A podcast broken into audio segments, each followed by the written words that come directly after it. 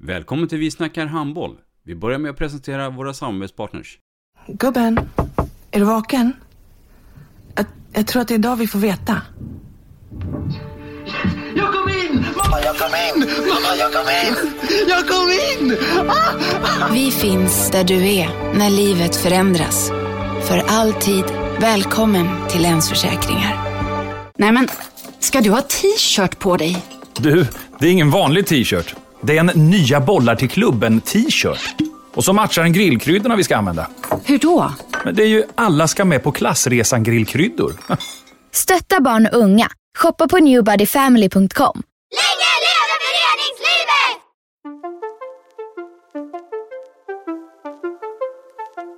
Välkommen säger vi till dig som lyssnar till den nya handbollspodden Vi snackar handboll med Robban Z och Matte. Vi snackar handboll, där du får veta alla sanningar som du inte visste att du missat. Vi snackar handboll. Idag i programmet Vi snackar handboll, Matte, så vill jag påstå att vi har Elitseriens mest erfarna och rutinerade tränare på damsidan. Håller du med om det? Ja, eh, SOS mest erfarna tränare. En eh, kollega som ligger mig varmt om hjärtat. Eh, som jag hejar på i alla matcher utom när vi själv möts, möter varandra. Så hejar jag på hans, eh, hans lag. Så varmt välkommen Magnus Frisk. Tack så mycket. Sven-Erik Magnus Frisk. Född 8 december 1964. Vem är det? Oj, Sven efter farfar. Erik efter morfar. Magnus vet jag inte var det kommer ifrån. Uh, frisk är ju ett gammalt knäktarnamn. Från farsans sida givetvis. Uh, ja, i övrigt, jag är ju 50-plussare, snart 60, mer 60 minus. Mm. Och sen uh, ja, familjefar framförallt. Och uh, halka in på handbollsledartränarbanan. Uh, ja, när jag var 19 år i uh, gammal IFK Skövde spelade i A-laget här. Och så fick man ju dubblera ofta som tränare. Och samtidigt som man satsade på sin egen spelarkarriär på den här tiden. Så att jag har ju faktiskt varit tränare, ledare i, om vi nu ska prata den biten om vem jag är i sen, ja, sen 19 års ålder. Sådär. Aldrig, aldrig haft något helt uh, år med uppehåll. När du började som tränare då, var det IFK eller var det direkt i, på HF? Nej, det var IFK. Sture Haglind uh, hade han var envis. Jag tyckte att det här med ledarskap och tränarskap, nej, inget för mig. Jag tyckte nog att, nej, det där vill jag nog inte hålla på med sådär. Men han var tillräckligt envis och tyckte att jag i alla fall kunde pröva det där. Så att då hoppade jag på ett gäng med Patrik Lundgren var redan tränare där. Han har varit ja, en gammal kompis. Så han skulle jag skulle bli hans vapendragare där då. och det var IFKs 72. Det var första, mm. första svängen. Det sägs att du var vänstersexa. Ja, jag var ju vänstersexa eh, när jag blev senior kan man säga. Så skickade de ut mig på vänstersex. Det jag egentligen aldrig trivdes jättebra. Men eh, jag fick väl nöja mig med det. Jag hade inte tillräckligt vassa armbågar. Du vet. Det fanns många andra som hade det. I. Så att, eh, då blev det att man stannar kvar där. Och det, alltså, ja, jag var ju, spelade ju nio meter hela min ungdomstid. Liksom. Sådär, så att, ja, lite överallt på nio meter. Mitt försvar. Mm. Du, eh, dina föräldrar. Berätta lite om dem. Uh, ja, pappa är fortfarande i livet. Uh, hoppas jag ett bra tag till. Han är född 36. Är också, han uh, lirar ju en del handboll uh, i yngre år sådär. IFK Skövde. Mm. kan man säga också har varit ledare och tränare en hel del. Eh, både för mig när jag var lite mindre och i kanske, jag var väl kanske kan man säga lite mer ledare, i, tränare i fotboll. Uh, man var också med i handbollen ganska mycket uh, som lite Tränare, lagledare sådär. Mm. och ehm, eh, mamma då var ju tidigt engagerad också i handboll, Skövde HF och blev ju, växte ju fram till en sån här riktig eldsjäl i Skövde HF då. Det var hon som också ryckte med mig i Skövde HF där. Och, eh, på tidigt 90-tal började hjälpa till lite i på lite olika lag i Skövde HF där. Men var det de som, som, som rekommenderade dig att bli ledare? Eller kände du att det här var någonting som blev naturligt? Alltså det var ju, alltså jag var inne i den svängen med IFK där uh, innan egentligen. Och, och sen kändes det väl efter ett tag ganska kul att vara tränare. Jag trodde, jag trodde aldrig att jag skulle tycka att det var skoj. Men ganska ja. snabbt så, så fick jag ju blodad tand där. Så det, ja, lite, så det, jag är glad idag för att Sture Haglind stod på sig sådär. Uh, sen vet jag inte, det kan, man kanske kan anklaga honom för att jag inte gjorde något annat mer nyttigt i livet. Men det Nej. vet jag inte. Ditt första lag, kan du minnas det? Ja, det gör Berätta. Uh, en av de uh, spelarna som är mest uh, kända då, det är ju Jonas Gustafsson som är född 70, han är fortfarande född 72. Eh, första gänget. Så, och, sen var det eh, massa, jag vet inte om man ska nämna några namn, men han, det är ju Jonas var den som kom längst i, det gänget. Eh, hade de några år där och de spelade ju, då spelade man ju något som heter pojkarsvenskan. Mm. Vi kom väl bland dem, jag vet inte vad vi kom, topp 4-5 någonstans där. Mm. Det är 72 72 då. Mm. Ja. Sen, eh, ja det... Eh, ja, vad hette de? Det var Nikola Prorenko, det var eh, Pedro Lake och det var lite Cedric Edvinsson och Patrik Andersson. Ja, ja, ja. Mm. Givetvis har man en bild av allihopa. Mm. Kommer man ihåg ganska väl. Mm. Vad... Um... Det blev ju också förmodligen ledarutbildning också. Kurser. Ja. Um, och kursen då som du gick kontra idag. Oh. Det har hänt en hel del med handbollen. Ja, det var ju mycket bättre förr. Det var, det så? Bättre, det var ju bättre kurser förr. Ja. Nej, jag vet inte. Jag har ingen aning. Men nej, det är klart, vi, alltså de första, den första riktiga, om man nu kallar det så, kursen, det var ju något som på den tiden hette T, det var indelat till T1, T2 och T3. Tre, ja. Och då hette det T3 Elite. Mm. För spelare som då skulle liksom, hade en erfarenhet som spelare så kunde man mer lära sig det här andra kring ledarskap och sådär. Så att T3 Elite var på Bosön då.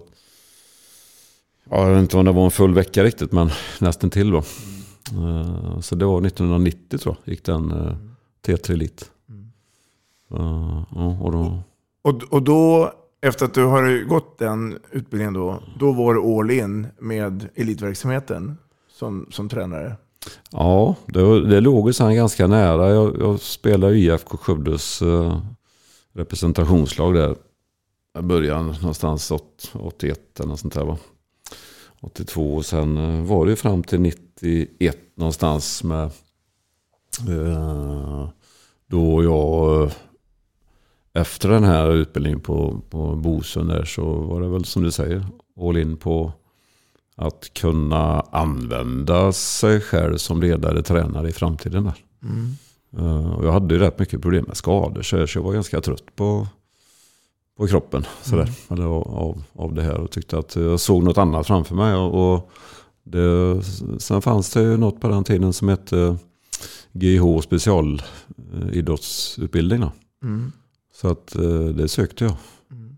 Uppe i Stockholm? Uppe i Stockholm då. Mm. Ja. Så det fanns ju några platser per, ja det var inte per år, det kanske typ var var tredje år. Eller sådär, va? Berätta, lite mer om den utbildningen. Ja, det var ju en utbildning då som egentligen var dubbelbottnad då. Så att uh, den finns ju inte kvar idag uh, på samma sätt. Utan uh, handbollen hade, alla förbund hade ju ett antal platser per Ja, per period då på något sätt. Uh, handbollen hade väl fyra eller fem platser det året som jag sökte till. Eh, och jag vet ju att min tidigare tränare och, och kompis och, och, kollega i viss mån, uh, Gunnar Blombeck, hade ju gått den ett antal år innan. Och, jag visste ju också att en del andra som gick med honom där och som tidigare hade gått den här och det lät ju kanonintressant eh, givetvis. Och, så jag var ju, tyckte att det lät ja, lockande. Så att jag, nej, jag hade inga större förhoppningar om att komma in eftersom jag tyckte att här finns det många mer uh, meriterade gubbar och kärringar kanske i landet som kommer före mig. Men de, det, det, var väl dåligt söktryck det året så att uh, jag fick faktiskt en plats till slut. Då. Ja. Vi, vi, kommer in på det ämnet. Ja. Jag tänker på det här med spelutbildning och, och det eh, lite senare. Då.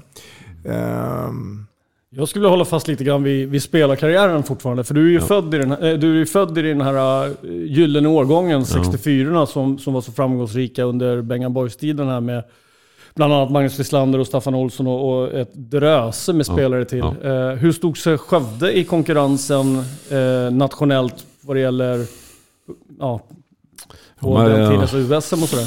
Jo, men vi stod oss rätt bra sådär. Vi, vi hade ju, det var ju Sture Haglund igen då. Uh, där också farsan var lite hjälpledare ibland på, på bänken sådär. Och, och där var ju, vi fick ju möta, alltså 64 runt om i landet var det en stark årgång. Och det, vi fick ju möta då de här uh, gubbarna och, och vi förstod ganska snabbt att vi hade ju faktiskt lite chans att, att mäta oss med de här allra bästa lagen. Och vi fick väl på något sätt lite genomslag ibland på jag vet vi var på något som på den tiden kallade, hette Junicupen i Uddevalla. en sommarcup som var väldigt stor då. Och, och fick möta Kropp som hade ett rätt duktigt eh, 64-65 lag. Peter ja. Olofsson? Nej, han är inte Nej. Det är rätt. Man, så de hade ju... Uh, ja, men det, vi gick till finalen där och det var, det var lite barriärbrytande. Det var något så vi gick till final i skytteaden fanns det något som hette mm. förr. Då. Det var en sån här regiontävling. Uh, som, då var man väl 12, 14 år va? Ja, B-ungdom. B-ungdom var det Så det var ju... Och den gick vi långt i. Så, så vann vi på något sätt den största kuppen på den tiden som hette Bohus Cup. Den lyckades vi vinna som B-pojkar i den här 64-årgången. Och sen rullade det på. Vi kom väl topp fyra i pojkarsvenskan. Uh, gjorde ett stort misslyckande i uh, uh, JSM som det hette på den tiden. Då kom vi nog bara till det näst sista steget. Liksom. Mm. Var det en besvikelse det? Ja, det var det. Men vi, alltså, det var väl ett ihåligt lag. Det var några som hade lämnat. Och så, där. så att Jocke Damm bland annat som eh, var med då. Han var ju, hade väl lämnat för för eh, Göteborg då med riksgymnasiet. så det betydde ganska mycket på målvaktssidan. Men på den tiden, värvades det spelare mellan klubbarna då? Eller Nej. var det mer sällsynt? Nej, det var nog ganska sällsynt. Man var ganska klubbtrogen liksom på den tiden, det tror jag. Men för att återkomma till Mats fråga så, är det ju, så, så var det ju ändå... Man förstod att man var med i eliten helt plötsligt.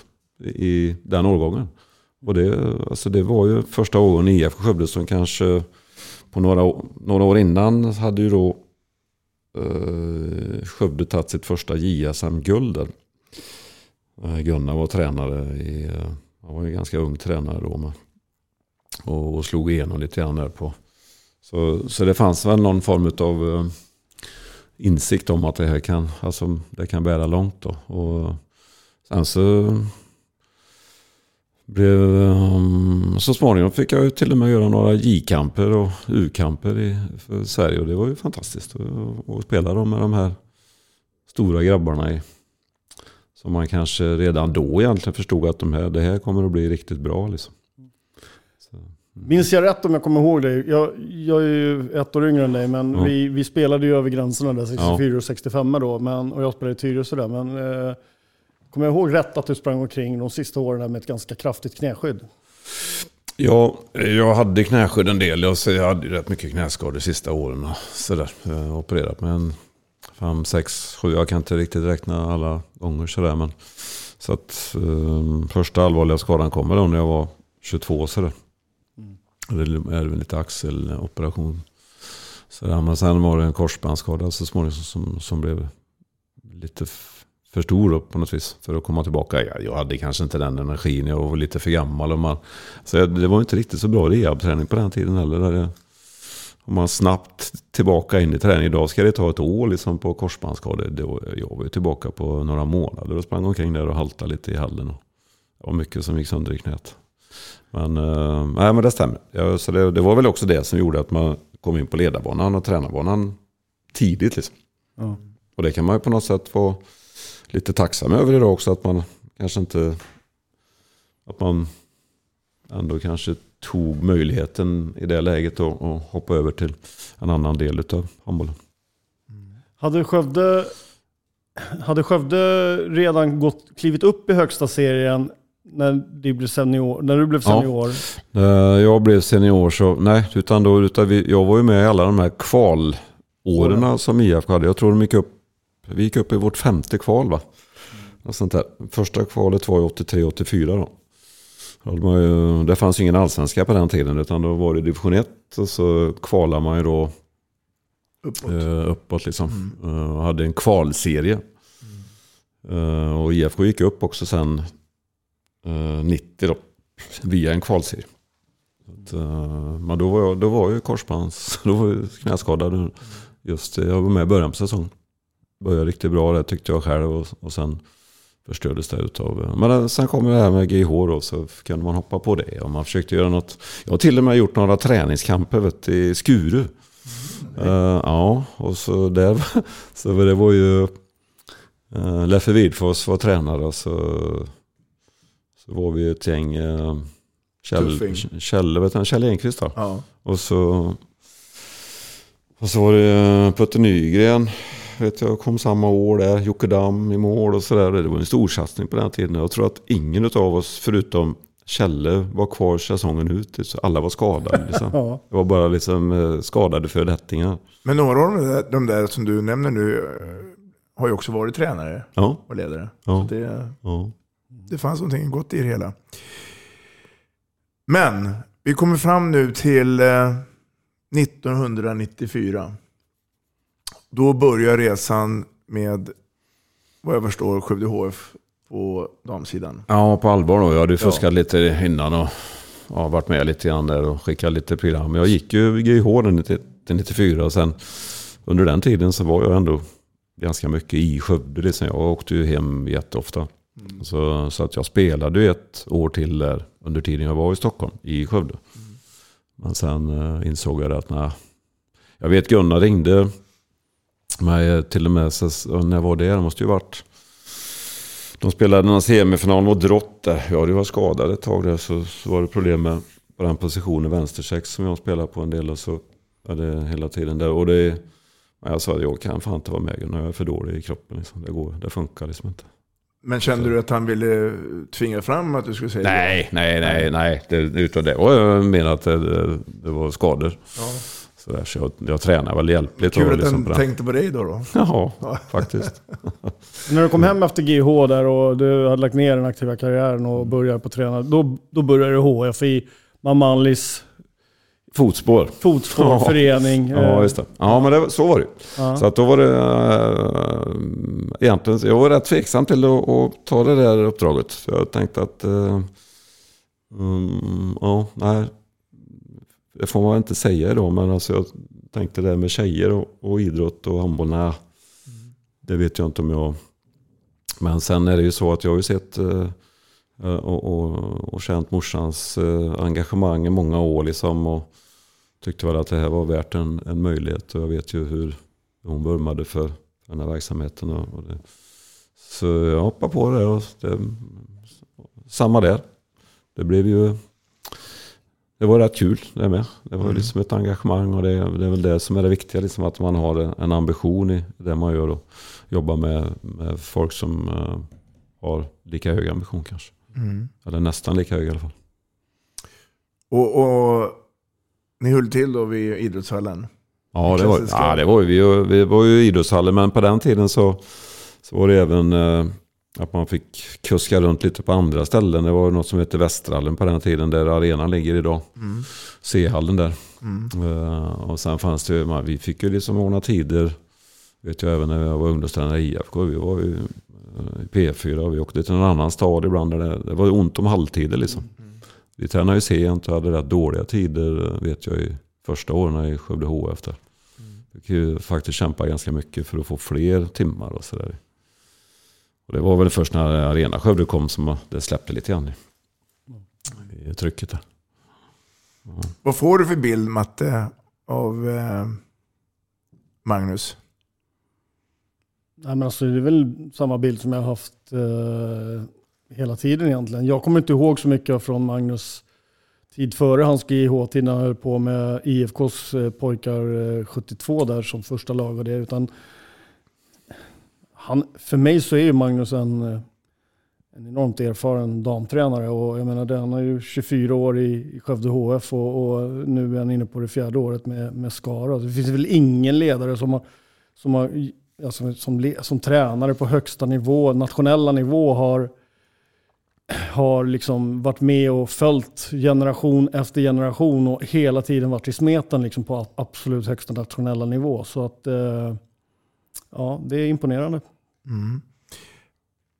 94 på allvar började du med laget.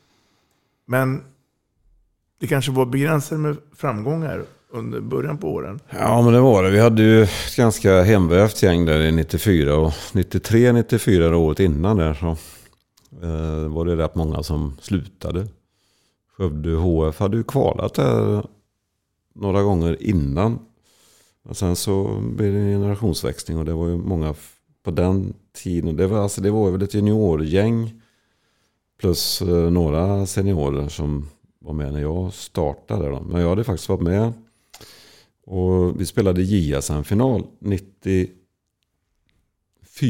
93. Mm. Med ett gäng som egentligen var ett år unga då. Födda 75. Vi hade en 74 med i gänget.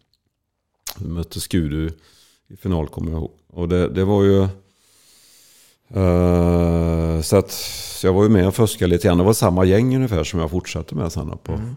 på ett gäng ambitiösa tjejer med med hög, eh, alltså, höga mål. Liksom sådär. Och vi satte igång och tränade mycket mer kanske än vad de hade gjort förut. Och systematiskt sådär, både styrka och uthållighet. Och, så att eh, ja, så vi lyckades ju med, det, det, med dem som bas så småningom gå upp i elitserien 96-97. Eh, så det tog några år där innan vi, innan vi avancerade upp i högsta serien. Mm. Via, på den tiden så var, fanns det ju en allsvenska efter jul. Då. Mm. Att eh, de fyra bästa lagen i, i allsvenskan och de fyra sämsta då, sämst placerade i elitserien bildade allsvenskan efter jul. Mm. Spelade fler matcher på den tiden än vad vi gör idag. Har, du, har du samma grundsyn på hur handboll ska tränas och spelas eh, då som idag? Nej, Nej, jag jämför jag lite grann hur vi tränar. Det är klart så att alltså mycket är nog säkert eh, samma bas. Där. Men, mm. eh, Sen att det kommer fram lite moderna saker. Det ja, det är klart det gör det. Men eh, alltså... Ja, men man slet ju med andra förutsättningar på den tiden. Va? Idag så, i Skövde så småningom och, och även i Skara idag så vi mer eller mindre kan bestämma träningstider. Om man, alltså, vi, vi kan ju träna hur mycket vi vill. Mm. I stort sett. Mm. Uh, hindret ligger ju i att uh, spelarna har jobb och studier och sådär. Men alltså just, vi skulle nog kunna skaka fram vilka tider som helst på dygnet uh, egentligen. Och träna hur mycket som helst om spelarna bara kunde liksom. Mm. Men uh, så att idag, men, men eh, Alltså vi, är ju, vi tränar mer systematiskt, framförallt fyserna. Alltså, och det gör ju att spelarna blir lite starkare, lite snabbare och lite bättre totalt sett. Eh, tror jag så har de bättre förebilder om man har man ser liksom eh, vad är målen, vad, är, vad har jag för vad ska man säga, förebilder. Förebilderna är ju ganska viktiga tror jag. För det, det, tar oss till lite högre nivå hela tiden. Så är det. Men, mm. uh, nej, jag, jag skulle vilja säga det är ju mer individuellt idag givetvis än, än det var förr. Det var ju väldigt mycket kollektiv struktur i, i uh, handboll. Tycker jag förut. Idag är ju individerna mycket bättre. Med hjälp av bättre träning, systematik, förebilder. Alltså allting utvecklas ju liksom. Vi kliver in i 2000-talet. Mm. Och då händer det nu någonting. Och det händer fort som tusan och bra som tusan. Det blir sex raka SM-finaler. 2005, 2006, 2007, 2008, 2009 och 2010. Det är inte dåligt. Ja, det, var en, Magnus det, var en kul, det var en kul period liksom. Men det, det är klart att vi var ju... Det, var ju, det handlar ju om timing också. Vi, alltså, vi, vi hade ju... Kanske vi låg lite före när det gäller vissa bitar eh, organisationsmässigt. Fast vi var ganska små organisationer. Vi, alltså, vi hade en modell som vi trodde på. Vi, vi körde på. Det var ju... Eh, vi var några personer där som drog ett ganska tungt klass. Jag vet ju, eh, alltså värvningar, kontrakt och, och förutsättningar så där. Så jag var ju med i allting liksom. På, och, ehm, På gott och ont. Ja, det eller, var det. Eller med facit i handen. Ja. Eller skulle du vilja se något annorlunda? Om du fick backa tillbaka bandet? Ja, det gick väl kanske lite snabbt. eh, Och, och vi hade ju ett gäng eh, födda 81, alltså i Skövde HF som var ganska duktiga och som Mm. fick en del... Alltså de fick ju uppdrag i, i eh, J-landslag och sådär och, och eh, tränade sig till det. Och, Eh, och det var ju då den andra generationen som var väldigt stark. Med, först var det då 74-75 och sen var det här 81 som var lite modernare i tappningen. Och, de hade jag även haft i stort sett allihopa på handbollsgymnasiet. Och, och man hade väldigt mycket kontakt och kunde träna mycket tillsammans. Och, och det är klart att när man är på väg upp som vi var då. Eh, och vi kanske tränade ganska mycket jämfört med många andra. Det tror jag. Mm. Eh, Och det var kanske det som gjorde det. Alltså mängden träning, även rätt tuff träning i förhållande till vad, vad de andra gjort. Så det kanske var lite... Man hade, alltså det var ett antal lag som hade, hade lite temporärt oligopol om vi kan kalla det så kanske. Det var, alltså, idag är det kanske lite mer systematisk träning. Det finns mm. handbollsgymnasier, det är NIO, det är Riks och så vidare. Då var det ju inte liksom, Nej. det var ju Nej. ganska lite systematik kanske på, på vissa håll. då. Men uh, jag kommer inte ihåg vad frågan var först. Nej, men man kan väl sammanfatta, eller som jag, jag ser under de här åren, när, när, alltså då, då hade ju Skövde HF på damsidan ett, och det kan man ju då se utifrån vilka spelare som faktiskt var i klubben under de här åren. Det var ju, det var ju hype att spela i Skövde HF. Eh, och i, i konkurrens kanske då med, med Sävehof då, men, men det var ju en storhetstid liksom utifrån vilka spelare och, och profiler som Magnus eh, fick till att komma och, och faktiskt vara med i, i, i Skövde HF under de här åren.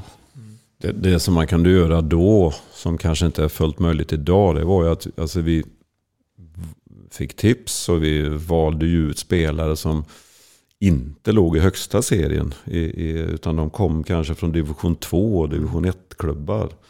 Uh, I närheten? Ah, det Eller var lite runt. Hela riket? Egentligen hade vi väl eh, alltså, hela riket, men det var ju också, alltså, det var lite grann som du var inne på, där, Mats, att det, man- vi fick ju kontakt med många, även som tog kontakt.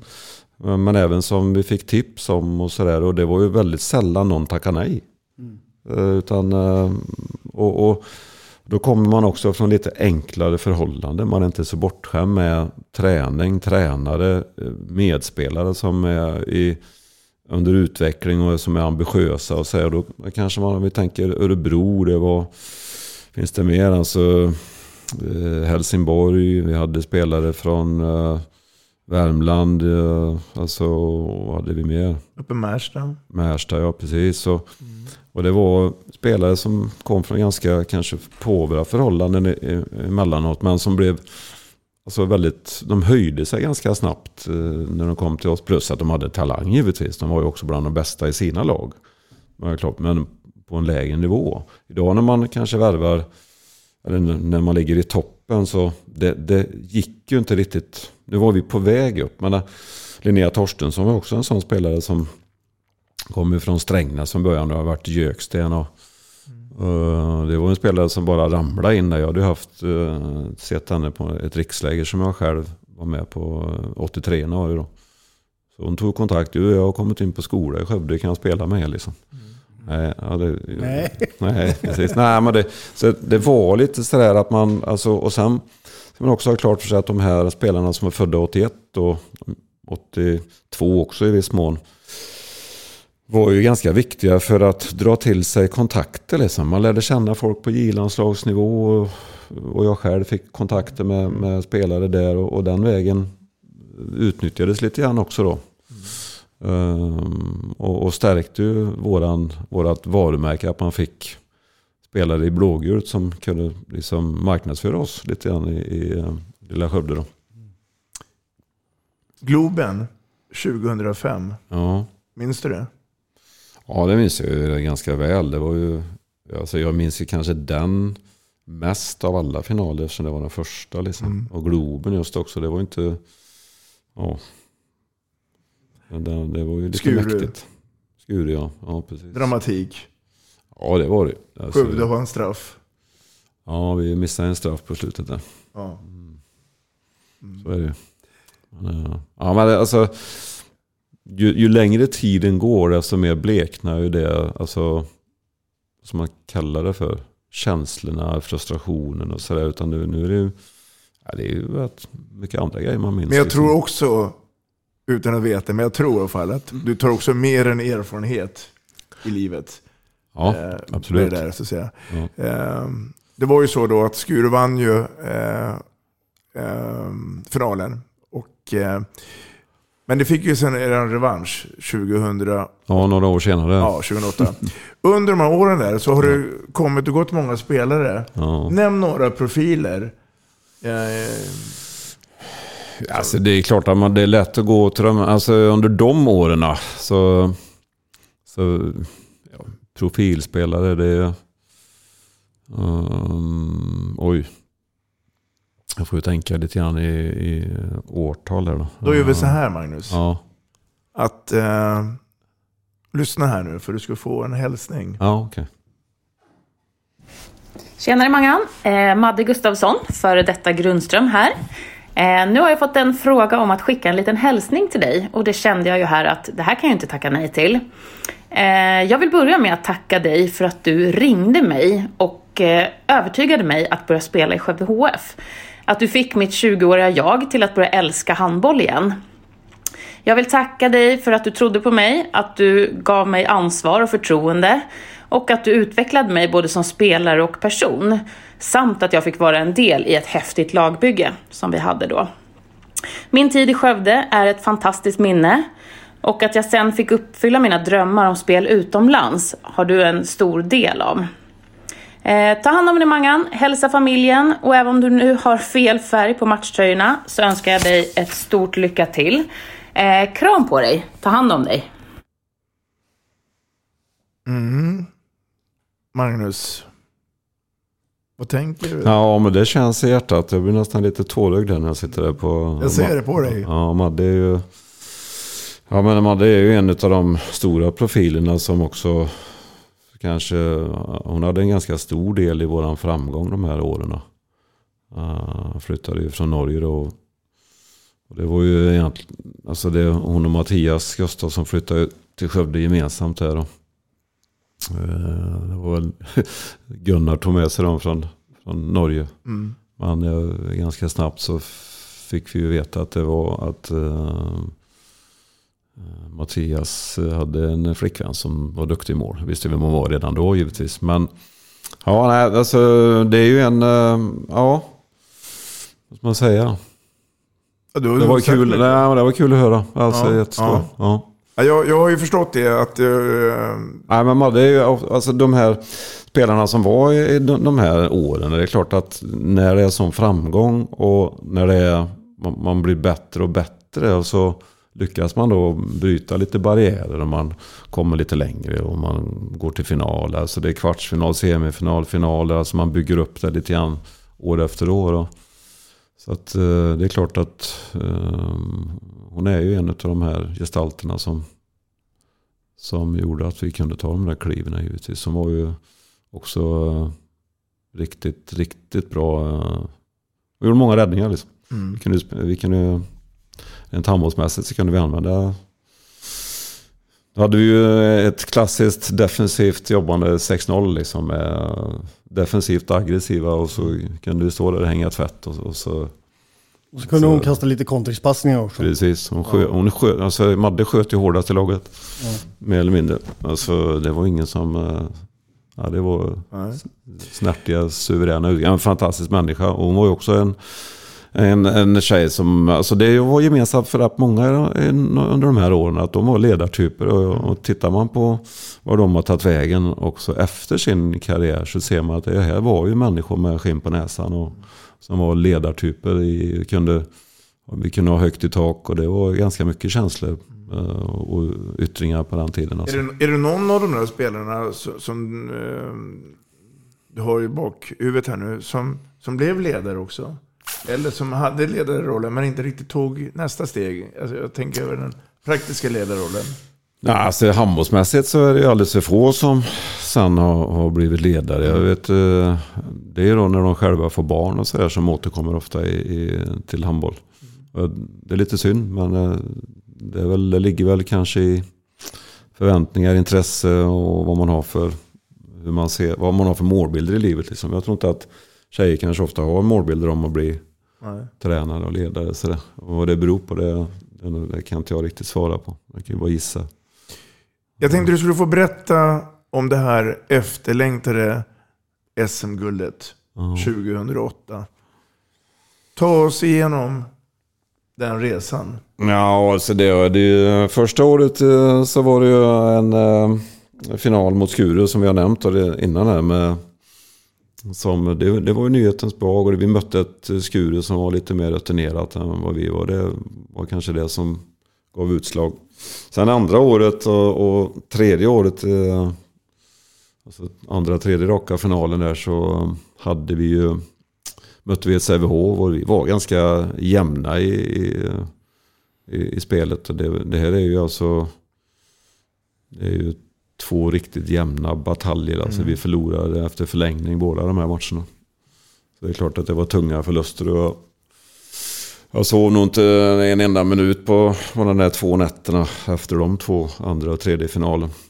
Besvikelsen var stor. Ja, det var ju, det, man är nära. Vet du, och det är klart att det är små marginaler. Och, eh, en av den andra finalen, där kom vi tillbaka. Jag vet, att vi hade ju liksom läge och frilägen till i slutet. Och vi brände och så gjorde de mål istället. Och så där. Och vi kunde gå till tror jag, två måls överläge och istället blev det lika. Och så gjorde de sista målet. Så där. Det är klart att det, det, det är små marginaler. Jag har verkligen förståelse för de här som kommer tvåa, det kan jag säga. Du hade ju Angelica Wallén med. Ja. Det? Och när hon var här i podden så sa hon då att hon tyckte att Skövde var bättre som lag 2006-2007. Men det blev guldet 2008. Ja. Ja, jag kan... Jag vet inte riktigt... eh, Jag kan inte bedöma det liksom bättre eller sämre. Jag vet att vi var ganska jämna liksom. Men det, det är klart att eh, vi hade ju spelare som... Som... eh, Som, eh, som kunde... Som, som, ja, som man säger, vi hade styrka nog för att vinna matcherna. Liksom. Och sen alltså den tredje finalen ledde vi ju med fyra, fem eh, baljor och fick väl... Eh, eh, ja, vi blev väl antagligen stressade över att vi var så pass eh, nära guld. Jag vet att vi ledde med fyra, fem år när det var en elva minuter kvar. Det är klart det är ganska lång tid liksom, men jag skulle väl inte... Eh, men det är små marginaler liksom. Vi missar... Ja. Just nu kan jag bara komma ihåg att det var jävligt frustrerande. Och, det, och att vi var väldigt nära igen. Alltså tre gånger. Eh, utan, alltså vi var ju egentligen... Vi, ett, vi hade förlorat med ett mål i tre finaler över full tid. Och sen var det två förlängningar. Och det tror jag också att ena matchen var väl ett mål och andra matchen... Ja, men det, jag vet inte hur många mål vi förlorade med den tredje gången. Nej. För mig kändes det som att när guldet kom där 2008 så kändes det som att, liksom att någon form av rättvisa utifrån de finalerna som hade varit innan hade skipat, skipats på, på grund av att framförallt finalen 2007 som du säger, där, den kunde ni lika gärna ha dragit längsta strået Ja, i. ja. Och det var nästan, nästan så liksom att det var, ja, det var en av de grymmaste förlust, alltså på sättet att förlora en final på. Och när sen man får då året efter den här revanschen Mm. så känner man sig så här liksom, ja, det var en tillbakakaka för året innan på något sätt. Och det var så fruktansvärt rättvist på något sätt kändes det som utifrån finalen innan. Ja, det är alltså den, just den här andra och tredje finalen. Det, det, var, det kunde vi ju egentligen dratt längsta strået. Och det är klart, så är det i efterhand så... Eller då i efterhand, ganska kort efter, så det är klart det var otroligt... Ja. Eh, En, vad ska man säga? Det var mycket energi som gick åt till frustration. Men sen är det ju det är bara att bygga vidare och gå framåt. Så här, jag vet, jag var ju nära och... Jag ville egentligen, alltså jag lämnade min plats där. Efter, både efter, framförallt efter den tredje finalen. Så att jag lämnar gärna och, och gör något annat här. Man blev väl mer eller mindre övertalad att, att fortsätta utav laget också. Mm. Spelarna. Så, att, eh, så jag hade, där hade jag mycket väl kunnat tänka mig att göra annat. Liksom. Men eh, så här i efterhand så var det ju skönt att jag blev lite mini-övertalad och fortsätta då. Hade du under de här eh, framgångsrika säsongerna också erbjudanden från andra klubbar? Ja, det fanns faktiskt både erbjudanden från herr och damklubbar. Både från Sverige och utomlands. Så att, eh, Det är klart att det det är ingenting som jag ångrar att jag sa nej till alla de här erbjudandena. Men jag har alltid prioriterat familjen och, och tyckt att det är någonting som jag liksom inte, jag, det, jag äventyrar inte det liksom. Nej. Utan, eh, så det, det har inte varit något val egentligen. På ett sätt. Det har varit kul att få lite frågor men jag har aldrig egentligen funderat så mycket kring. eh, Det var väl egentligen innan jag och Maria bildade familj om man kallar det så. Mm. Då finns, fanns det också lite erbjudanden. Eh, Eh, det var Danmark och det var Holland och Norge och sådär. Men det var, alltså det, det var väl någon form, jag kände inte att jag var färdig riktigt hemma. Och det, vi hade mycket att göra, jag hade börjat ny tjänst på skolan. Hade ett intressant lag, gick bättre och bättre. Maria hade ju ett par restauranger på den tiden och var fullt upp. Alltså hon kunde inte heller flytta. Liksom. Så jag vet jag också när Emma var liten, hon kom 97 då. Så var det på förfrågningar, vi var nere i Danmark bland annat vet jag. Och tittade på ett jobb där. I Tvis Holstebro. Men, äh, ah, nej. Mm. Känner du att tåget är gått nu? Eller skulle du kunna tänka dig om frågan kommer upp igen att eh, någon ungersk eller rumänsk klubb skulle vilja ha Ja, Malmfrisk? det är klart. Jag skulle nog... eh, Du stänger inga dörrar fall? Nej, jag skulle nog egentligen aldrig tveka nu på, på, på sådana uppdrag. Det Nej. skulle jag ju pröva liksom. Ja. Jag känner att jag är mogen för det liksom. Och tror säkert att det skulle vara rätt både kul och, och utmanande. Plus att det, jag hoppas att jag skulle räcka till också. Mm. Framgångar är häftiga. Motgångar är inte lika roligt. Det blir en tråkig motgång 2018. Ja. Jag tänker på bråket där mellan Skövde HF och Magnus Frisk. Ja, det, alltså det växte väl fram. Eh, alltså, jag var ju väldigt... Jag var inte speciellt pigg på att skriva det sista kontraktet kommer jag ihåg. Eh, 2016 måste det ha varit. Och då var det tvåårskontrakt som kom fram där på bordet. Och, och eh, jag skrev på det ganska sent efter en del... Vad ska man säga? Ja, det var väl också en, en del eh, övertalning från, från klubben. Jag vet redan då att det, det kanske kemin inte riktigt var den där bästa i, med alla. Ja, det byts ut en del folk liksom under ett antal år. Man har liksom inte kemi med alla. Utan det, Mm. och, och um, det hade också börjat... Ja, alltså Skövde hade ju också stärkt sin eh, ungdomssida en del under några år där. Alltså glädjande nog. Och det var ju den som också kanske gjorde att vi i första hand gick upp i elitserien. Men sen när vi började trampa på i, i, i eh, tabellen och, och sådär och, och var nära, alltså tog guld till slut. Så då var det inte jättemycket Skövde-folk. Men det var ju alltså betydande spelare från Skövde också. Under alla de här åren i truppen liksom. Men, eh, så det växte väl fram någon form av... Alltså det, ekonomin blev ju lite sämre säkert och, och sen, jag vet inte riktigt, jag, jag kan inte alla de här Nej. turerna liksom fram och tillbaka. Men det, i, i vilket fall som helst så ledde det ju till att det, det blev en, en eh, vad ska man säga, det, det, det gick inte liksom. Och, och, Det blev en skilsmässa. Ja, det blev det ju minst sagt. Mm. Jag fick ju Mm. sparken liksom. Och Mm. det, det är klart att eh, det var ju ingenting som jag hade hoppats på eller trott på. Men jag, jag, och jag blev ju jag blev rätt besviken eh, givetvis eh, när jag fick besked också på det sättet det gick till. Det kommer, jag liksom, eh, det kommer alltid finnas som en dolk i ryggen. Liksom. Du har ju funderat också Matte på den här.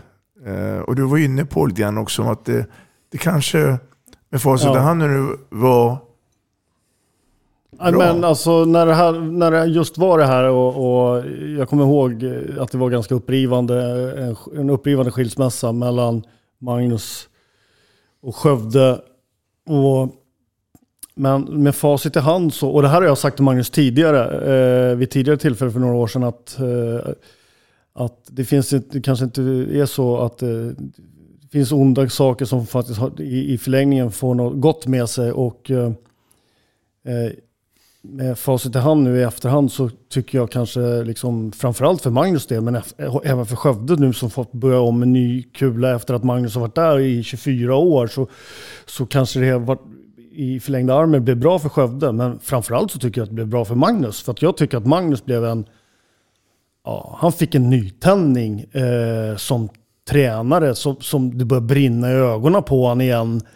Eh, och jag tror eh, tveksamheten eh, för Magnus när han tvekar att skriva på det här sista kontraktet 2016, det är just att han har varit jäkligt länge i den här verksamheten. Och, eh, jag som var aktiv då, eh, tränare i, eh, i eh, SOE under den här perioden när Magnus gjorde det här bytet så, så såg jag en helt, jag, jag såg att helt plötsligt så, så glödde de här ögonen igen efter det här klubbytet. Så att jag tror att det var nyttigt också för Magnus att få ett miljöombyte.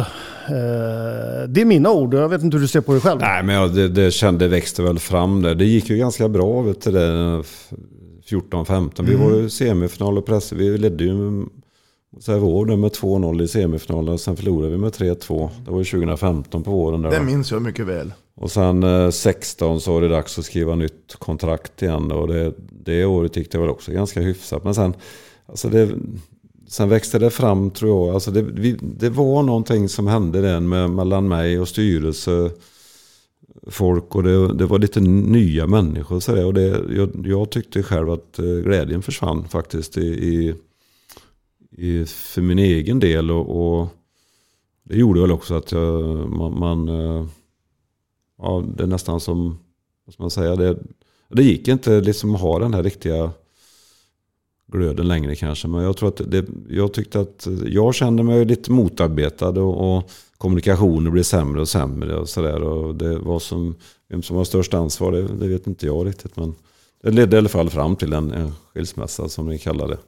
Och det, fick jag en fråga tidigt från Uh, när, när det stod klart, jag vet ju vi mötte ju Skuru dagen innan så hade det här kommit och att inte jag skulle fortsätta. Uh, och vi mötte ju, det var väl det vi mötte där på, på våren där. Eller nej, det var hösten, det var i november, det var innan Mm. uppehållet. Tror jag. Ja. Var inte så eller? Stämmer. Ja, och så då hade vi gjort en bra säsong hittills. Men någonstans där så försvann liksom, det var mycket energi som eh, försvann i, i gruppen. Och jag vet inte vad riktigt varför det hände. Utan vi låg ganska bra till i tabellerna. Och sen, sen var det faktiskt eh, inte så många poäng till eh, under våren. Där, och sen ledde det till kval. Och så, ja, vi hade ju chansen sista matchen men det gick inte då. Men sen, eh, så jag skrev ju kontrakt med Skara ganska tidigt och jag vet ju att jag blir ifrågasatt av, uh, av sportgruppen som de kallas. Eller om jag skulle kunna, om jag ville vinna ordentligt mot Skara när jag mötte dem där eftersom de låg lite pyrt till i tabellen och sådär också då. eh, Under den tiden va. De var På kvalplats där. Så, ja, nej, jag sa att det är nog inga problem så jag, utan jag vill gärna vinna mot Skara innan jag lämnar den här skutan liksom.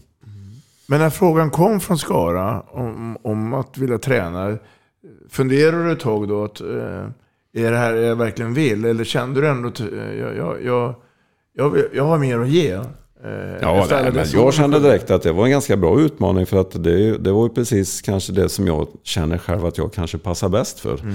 Att, att driva, att vara, liksom bygga någonting ifrån grunden och, och puttra på och jobba mycket med eld och, och eller lågor liksom i, i verksamheten så här, och träna hårt och kanske vara lite förbannad och, och eh, även glad givetvis med mycket känslor och, och mycket ambition och mycket hjärta.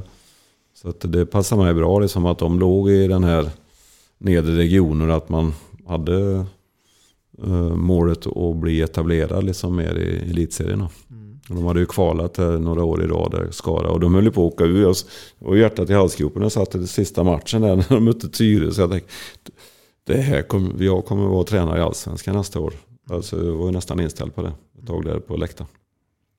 Ja, då- Ska det vara illa ute där? Men, men de Ja. Tyresö vann väl, börja med att Tyresö vann uppe i Tyresö. Ja, jag det var tror Evelina klart. Eriksson Ja, var eh, Ja. överjävlig i målet. Och Ja. sen så, lyck- så Tyresö jäkligt bra med, framförallt i den första matchen i, i Skara. Och sen så var det väl ganska Ledde du, med några mål i halvlek och början på andra. Ja. Sen eh, gjorde Peter Skogsberg comeback. Ja, just det. Och så eh, ja, var ju med och bidrog till att de vände matchen där. Men sen i sista matchen så vann Skara med ett par mål på slutet. Så, mm, ja, Då var, tar du ju liksom över sen då. Det blev ju kvar i SOE och du tog över ett lag som kan man väl säga under ganska många år, eller ett par år i alla fall, varit lite lindansarlag liksom. Om man, Lite för bra för allsvenskan men lite Ja. för dålig för SOE liksom. Och, och sen har ni gjort en väldigt, ja, etablerare under dina fyra år här nu så har du etablerat er ganska klart i, i SOE. Hur, hur ser din kontraktssituation ut nu i, i Skara och hur, vad är visionen för ett, två, kanske tre år framåt? I, i den här ja, jag, har, jag har kontrakt över nästa år också. Då. Mm. Så, och det, alltså, alltså Skara är ju i mångt och mycket en ideell eh, organisation som, är, som behöver bygga alltså, lite mer kring elitverksamheten och kanske i klubben för att man ska över tid eh, etablera sig. Jag tror att man kanske har kommit lite för långt, lite för tidigt i organisa organisationsmässigt. Um, men jag, alltså det är lite svårt att svara på. Ja, det, det pågår... Uh, uh, alltså ambitionen är ju i klubben att höja ungdomsverksamheten och att få upp lite fler egna produkter. Och det, och det tycker jag det behöver man nog uh, försöka... Ja, det behöver man lyckas med eh, för, över tid då. Men eh, om man ska etablera sig i allra yppersta eliten så vet ju vi allihopa sitter där att det är ju... Alltså man kan inte klara sig med, med bara egna produkter just i den yppersta toppen. Men ska man ligga kvar som ett alltså, lindansarlag liksom, som vi nämnde där. Då funkar det ju att ha ganska många egna produkter. Mm. Det, så är det ju. Om man, har en bra verksamhet och, och, och får ganska många talanger till handboll i, i, i den stan. Har vi en bra liga idag tycker du? Bra. Jag får ju den frågan ibland. Jag, jag, jag måste säga att jag tycker det är väldigt svårt att bedöma från år till år så där, om ligan är bra. Men jag ser ju att det finns en del unga, om vi kallar det moderna spelare som är rätt kul. Alltså. Det, det händer en del i, i år för år sådär. Och jag tycker också att det kommer en del spelare hem tillbaka. Det kommer spelare från Danmark som tycker att det kan vara kul att spela i, eller intressant och utvecklande att spela i Sverige. Det är klart att någonstans så finns det ju en otrolig ambition i, i bland klubbarna i, i SHE. Uh, alltså, Vilket Ja. kanske inte har funnits tidigare. Nej, jag tror att man har, ja, man, ambitionen har funnits, men det, man har kommit ännu längre liksom, i organisationerna, kanske i klubbarna. Sen är det ju ändå så här att, tittar vi på, det är inte så många klubbar som är etablerade som är bara damklubbar då. Nej. Alltså, där är det ju lite svårare. Skure är ju, alltså nu, Skure har ju lite andra uh, idrotter i sin verksamhet. Men de har herrar också givetvis. Men just elitverksamhet så är de ensamma kan man säga. Uh, Skara ensamma. Men sen är det ju ganska det är Sävehof, Lugi som har båda. Det är Västerås har båda. Önnered båda. Är det mer? Hör är ju ensam också då, givetvis. Så det får man också räkna Kärra som en. Och Kärra båda. Alltså det är ganska mycket klubbar där man har båda könen och i, i ganska etablerad verksamhet. Liksom. Vi släpper det och går in på ett område som jag tror att du gillar. Och det är ju spelutbildning och eh, ledarutbildning och ledarskap. Eh, Jag tänkte du skulle få lyssna här Mm. på en eh, person som jag tror att du eh, uppskattar oerhört mycket. Varsågod. Hej Magnus, det här är Tjolle. Jag har ju fått den stora äran att säga något om dig.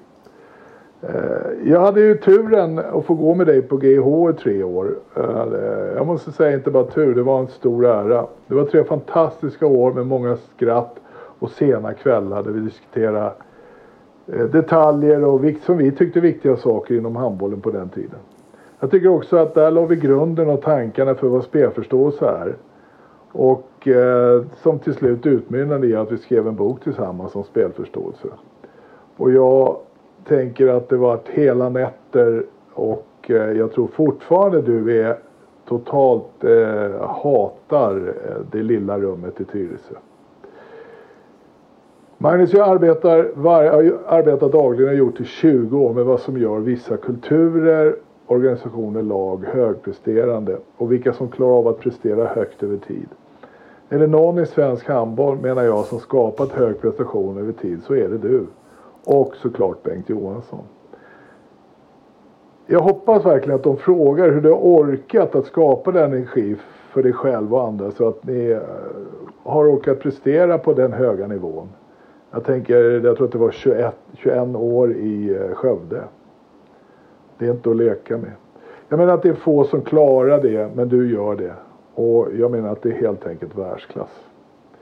Annars har jag några tankar om dig och den, den tid jag fick vara med dig ordentligt. Eh, det var ju att eh, du är lojal, enormt lojal. Du är trovärdig, du menar vad du säger. Det är min uppfattning. Jag tycker du är tydlig i din kommunikation. Uh, enormt målfokuserad är det som kommer fram i mig. Att du har bestämt dig för någonting så ska du genomföra det. Och sen är du faktiskt genuint trevlig. Så ja, jag förstår att du har lyckats. Och har det så bra Magnus så eh, det är fler som skulle vilja som skulle behöva höra vad du har gjort. Så enkelt är det. Ha det bra. Vi hörs. Hej då. Mm, Per-Olof Tjolleström. Ja. Vad tänker du nu?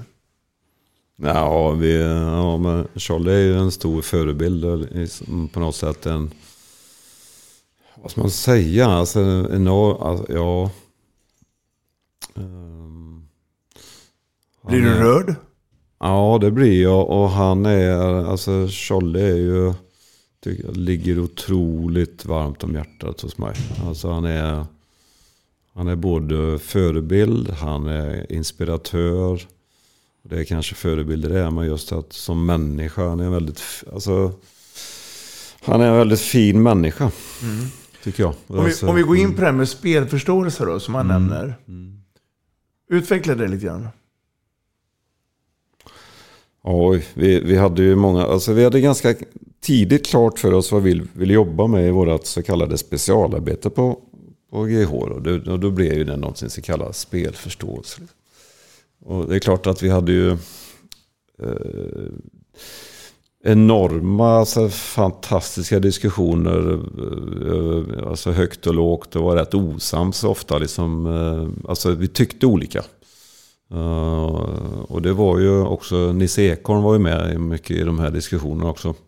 Sus Eriksson var också en av de fyra handbollseleverna där då. Men ja, det, på något sätt så mynnade det ut i alla fall att jag och Scholle gick ju vidare med det här projektet Spelförståelse. Det byggde ju en del på bland annat eh, tränarintervjuer som vi gjorde rätt många under ett par, eh, något års tid.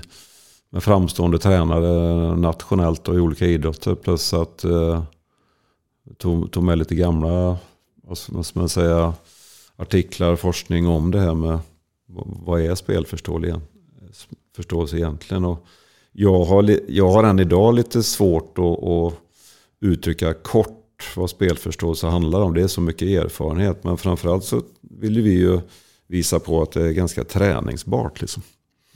Mm. Och att man kan utveckla det med rätt typ av stimuli i, i verksamheten. Liksom. Och att man vet vad man ska göra och varför man gör saker.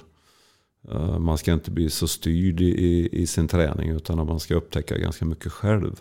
Mm. Alltså den intellektuella delen är ju, tycker jag, ganska viktig i handboll. Alltså jag, tycker, jag försöker uttrycka att handboll är en intellektuell sport. Du kan påverka ganska mycket i, i spelet. Att, I och med att du äger bollen, du håller i bollen. Alltså, tänk vad bollhållaren kan äga spelet liksom, i, i handboll. På ett sätt som man inte Undrar hur många tänker så?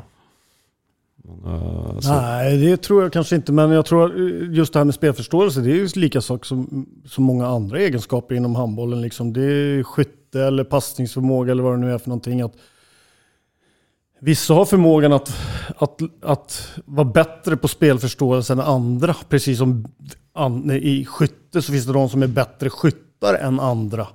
Mm. Eh, en del individer, eh, man kan förbättra spelförståelse. Eh, enligt mig så kan alla utveckla sin spelförståelse.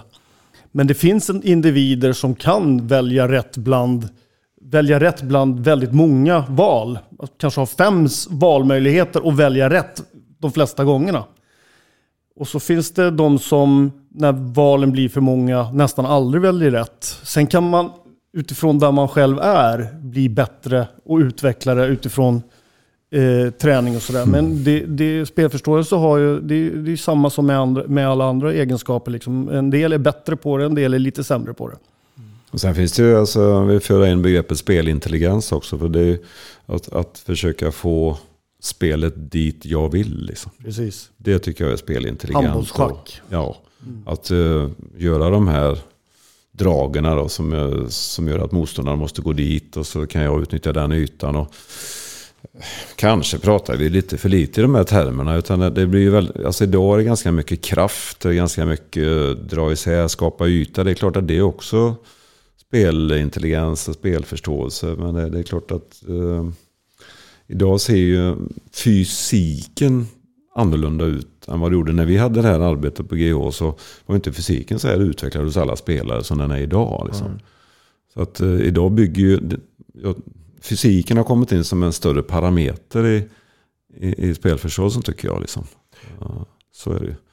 Tycker du att Sverige internationellt en del av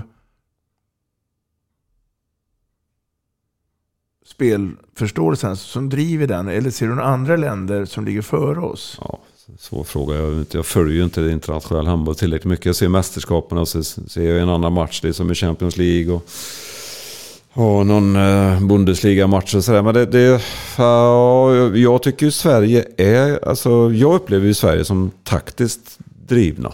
Mm. Det måste jag säga. Mm. Jag tycker ändå att eh, Sverige inte kanske har de individuellt bästa spelarna, aldrig haft. Nej. Det bygger på något annat. Man bygger, alltså det är lagande, men sen om det är spelförståelse eller inte, det, det är klart att det är ju också spelförståelse att, att ha fysisk spel, fysiska spelare med spetskompetenser.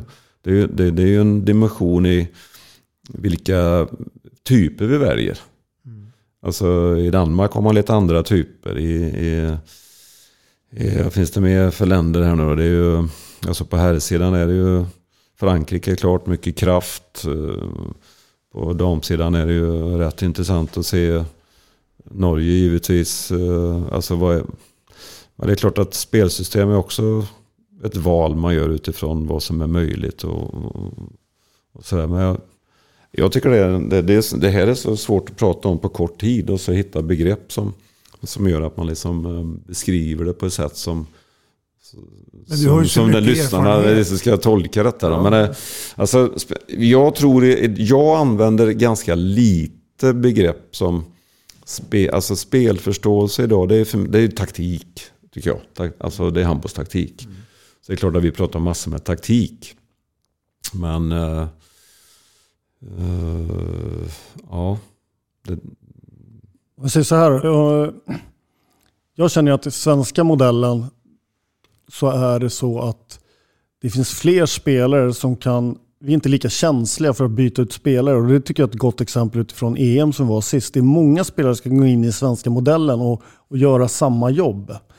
Eh, Sverige har ett handbollstänk som är kanske lite annorlunda mot eh, ett annat sätt, sätt att spela på än till exempel Spanien och, och Frankrike. Och, och, jag tror att det är svårare för Spanien och Frankrike att byta ut uppställningar och få samma, samma resultat som det är för, för Sverige i den svenska modellen. Eh, håller ni med mig där? Ja, det gör jag. Det är, det är nog rätt bra beskrivet, Mats. Fan, det var bra uh, nej, men just det där med att det bygger mycket på spetsen i... Alltså, alltså kanske det med genombrottet, skottet. Uh, Sverige har ju uh, kanske ett kollektivt spel, anfallsmässigt i alla fall, som är, bygger på att man samarbetar mycket mellan flera spelare. Um, försvarsmässigt likadant tycker jag. Att det, är, det är väldigt strategiskt. Liksom. Uh, stänger ytor och, och begränsar anfallarnas spel utifrån deras spetskompetenser. Då. Sen räcker man ju inte alltid till eftersom det är... Men, uh, ja, nej, det där är ju... Sen är ju fysiken viktig som Magnus säger tycker ja, jag. Och det ja. beror, alltså, fysiken är framförallt viktig för att man ska välja rätt över tid. Mm.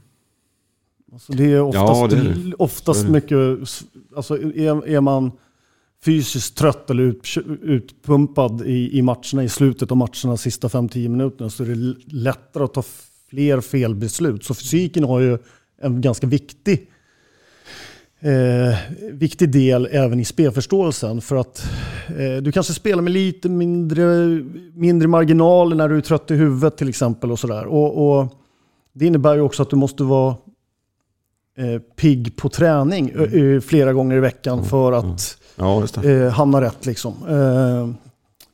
Ja, ja, ja, så är det uh, men, När jag sitter och tittar på de här matcherna i Champions League, uh, landskamper. Jag, detta, jag, jag tycker det är så kul att se alla dessa duktiga spelare. Jag blir så fantastiskt imponerad och glad när jag ser uh, handboll om man nu kallar det på den nivån då. Sen ja. tycker jag, jag blir bra när jag ser våran nivå också. Men alltså, handboll är svårt och det är alltså just de här små marginalerna och kunna vända en match. Alltså det kan ju vara taktik också, men just det här spetskompetensen som en del spelare har. Alltså kunna göra det här live uh, när det gäller och sådär. Alltså jag är fantastiskt imponerad av Sveriges insats i EM exempelvis.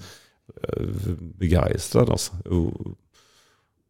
Och, och du sitter och så alltså får man se det igen och igen och igen. Så där, man, man se vad var det som hände. Så jag, det tycker jag är ganska svårt alltså, att se. När jag sitter och ser en match, jag vill ju njuta av handbollen. Så liksom jag, så vill man, alltså ibland så är man ganska kritisk sådär. Eh, när man ser sina egna matcher i efterhand. Jag är ju så kritisk där ute. Jag kan ju knappt se en match och hitta bara en massa brister. Istället för att se liksom det som kanske då man ska använda positivt. Men mm. när man ser de här andra matcherna så tycker jag att det är, mycket njuta liksom, och inte leta fel och sådär. Det... Men du, du är lugnare som tränare förmodligen idag än vad du var för 20 år sedan? Ja, absolut. Mm. Det finns så mycket som jag ångrar i mitt ledarskap. Jag ju, alltså, tänk, förstår du vad jag, ni, att det finns mycket som jag skulle kunna leva utan som jag har genomfört som, eh, som tränare och ledare. Liksom. Ja, alltså i, i personliga vad säga, relationer och man kanske har alltså varit rätt eh, destruktiv. Fast jag inte trodde att det var destruktivitet då. Nej. Men jag har förstått det i efterhand med den kunskapen jag har idag och insikten. Så har jag förstått att jag kanske till och med skulle ringa runt och be om ursäkt till ganska många liksom, i, mitt, eh, alltså, i mina relationer. Så jag försöker idag, tro, jag tror i alla fall att jag har, jag har en lugnare approach i de flesta sammanhangen än om man går tillbaka kanske tio år bara. Eh, så alltså, det är lite coolare. Alltså, jag tycker inte att det är inte hela världen om vi tappar en poäng liksom det är. Eller om vi Alltså det är ju så, det är livet liksom. Eh, Men förr kunde man ju- alltså det var ju sömnlösa nätter. Jag pratade inte på en hel bussresa. Liksom kanske från Stockholm till, till Skövde. Liksom, och inte som spelare heller. Jag var ju alltså, otroligt frustrerad. Sen, men idag så, alltså, ja men that's it. Och så får man liksom på något sätt, ja. Jag har en fråga om, eh, som, jag skulle, som jag är intresserad av och det är vilka, vilka ledare som du har, alltså, som du har tagit influenser av, alltså som, Ja. som du känner har betytt en del för, för mitt ledarskap. Har du några sådana? Ja, det har jag. Alltså, jag tror att jag har färgats av ganska många ledare genom åren. Och det tror jag också är väldigt... Ska man säga, det, det är ju otroligt berikande att ha olika ledare. Det behöver inte bara vara i handboll. Det kan ju också vara i Andra sporter. närings, näringslivet och man träffar precis andra tränare och sådär. Men det är klart om man går i lite kronologisk ordning sådär så men det här kanske mina föräldrar har, har, har betytt en del i, i sina gärningar som ledare. Fast inte jag riktigt vet att det har påverkat mig. Men någonstans är man ju danad utav den miljö man har levt i. Uh, och sen är det ju Sture Haglin som jag nämnde. Det är ju, det är ju en viktig gestalt i, i ledarskapet. Eftersom det var kanske den första ledaren som var riktigt sådär ambitiös och, och vad ska man säga, mer Seriös? ser, ja, precis. I, med, med, lite utbildad sådär, och idrottslärare och, och som man har tagit mycket intryck utav. Sen eh, Gunnar Blombeck givetvis är eh, en inspirationskälla. eh, Har alltid varit. Och jag hade en, en gammal Frölunda Tränaren som heter Bengt Drat eh, i ett par år. Också en skön typ, liksom sådär lugn och skön. En helt annan approach än Gunnar. Eh, Gunnar var ju väldigt hetlevrad och det kändes lite grann som att man tog väldigt mycket intryck av honom som man spelade med honom, hade honom som tränare. Det blev det här intensiva och det var ju, ja. Och sen Kjell E. Larsson var ju också en, en, en god gubbe som eh, man har haft som tränare som var otroligt eh, och och påverkar mycket också. Sen tycker jag givetvis också att eh, de här som man har haft i landslag och så med Ingmar Eriksson, eh, Klasse Karlsson. eh, Det finns eh, Tjolleström, givetvis. Eh, också påverkat Nils Ekholm som också var en kompis på, på GH. Där hade, har ju många alltså, gamla klasskompisar från den tiden som man också liksom har fått prata ledarskap med och kanske också se aktion. Sådär. Sen, är, sen eh, finns det andra människor som jag, man också har som lite förebilder. Sådär. Men just i, i egen närhet så, så det är ju, jag kan ju också ta intrycket av eh, både dig Robban och Mats liksom i vissa delar. Peter Johansson som jag jobbar ihop med. Jag tycker jag är en fantastisk ledare typ. Och, och som, är, som jag också lär mig av varje vecka liksom, som man, man jobbar ihop. Och, Spännande. Mm. Du, eh, en avslutande fråga innan vi ska runda av här. Eh, Du nämnde tidigare att du har ju varit med på riksläger som instruktör. Ja. Eh, Men jag har inte sett Magnus Frisk som förbundskapten. Nej. Varför då? Ja, jag, har på- jag har varit på G lite grann där några gånger. Jag Fått, vet det. fått lite förfrågningar. Sådär. Men, ja, men det, har, det har liksom fallit på, eh, tycker jag, för dåliga förutsättningar helt enkelt. För mig personligen. Ehm, och jag vet ju då, 88 var jag, var jag ju faktiskt utsedd förbundskapten när jag var för mig. Och, och eh, Kjelle var ju, tog ju med som assisterande. Och så, Mm. Eh, Men det, det slutar med att vi kom inte överens eh, om kontrakt och sådär. Det, så det stupar väl på att jag tyckte att det liksom... Ja visst, det, det kanske är så att det får kosta lite att, vara förbundskapten. Men jag, jag tyckte ändå att nej, jag, vissa, vissa principer finns och, jag, jag vill inte liksom... eh, eh, att det skulle drabba, alltså det är både familj och, Det är rätt mycket tid själv. som går åt. Ja, det är det ju det också. Liksom. Jag, jag tyckte att den tiden som jag har hemma, den har varit väldigt värdefull. Och, och ibland så kanske jag har eh, varit lite för sen och, och säga nej. Så där. Och Att man liksom gett en, en, eh, Eh, vad ska man säga, en bild av att ja, men det här vill jag, det, det går nog bra. Men sen, ja, det har nog fallit ganska mycket på det. Liksom, att man är, man är rädd om tiden. Och när man är förbundskapten så vet jag ju att det, det kostar ganska mycket ledig, om man kallar det ledig inom citationstecken, tid. Där man annars kunde gjort annat. Då. Mästerskapet mitt i sommaren. Ja, och, exempelvis. Så ja. det, det tenderar till att ta den tiden där man annars kanske då, Ladda kanske inte batterier. bara ledig, men man hämtar andan och, Ladda och batterier. liksom får, ja, ladda batterierna. Ja. Det- Så det har nog fallit på det. Och det kan jag ju, jag har ett jättedriv och alltid haft det, men just den där tiden som är mellan, den, den har jag värderat väldigt högt liksom i, med familj och, och göra ett annat och sådär. Och jag är, ja, men jag är ganska mån om att, att få göra ingenting ibland. Sådär. Mm. Att, ja. Det är bra. Magnus Frisk, Ja. våran tid har hunnit ikapp oss. Ja. Ehm, från oss på Vi snackar handboll Ja. så vill jag rikta ett stort tack att du ville vara med här. Och lycka till i din vidare, dina vidare gärningar inom Ja, tack. handbollen. Vi, vi får se hur långt, eh, håll, länge det håller på. Ja, ta, tack för att jag fick vara med. Eh, kul att träffa er. Goa gubbar. Vi snackar handboll, där du får veta alla sanningar som du inte visste att du missat. Vi snackar handboll. Vi snackar handboll produceras av produktionsbolaget High On Experience, från vision till passion. Ett avslutande tack till våra samarbetspartners. Hallå! Kommer ni eller? Ja, ja. Har du sett mina ankelsockar? De här? Nej, nej, jag menar skridskoslip till juniorlaget Ankelsockarna. Ja, men kolla bredvid träningsläger med handbollstjejerna-t-shirtarna.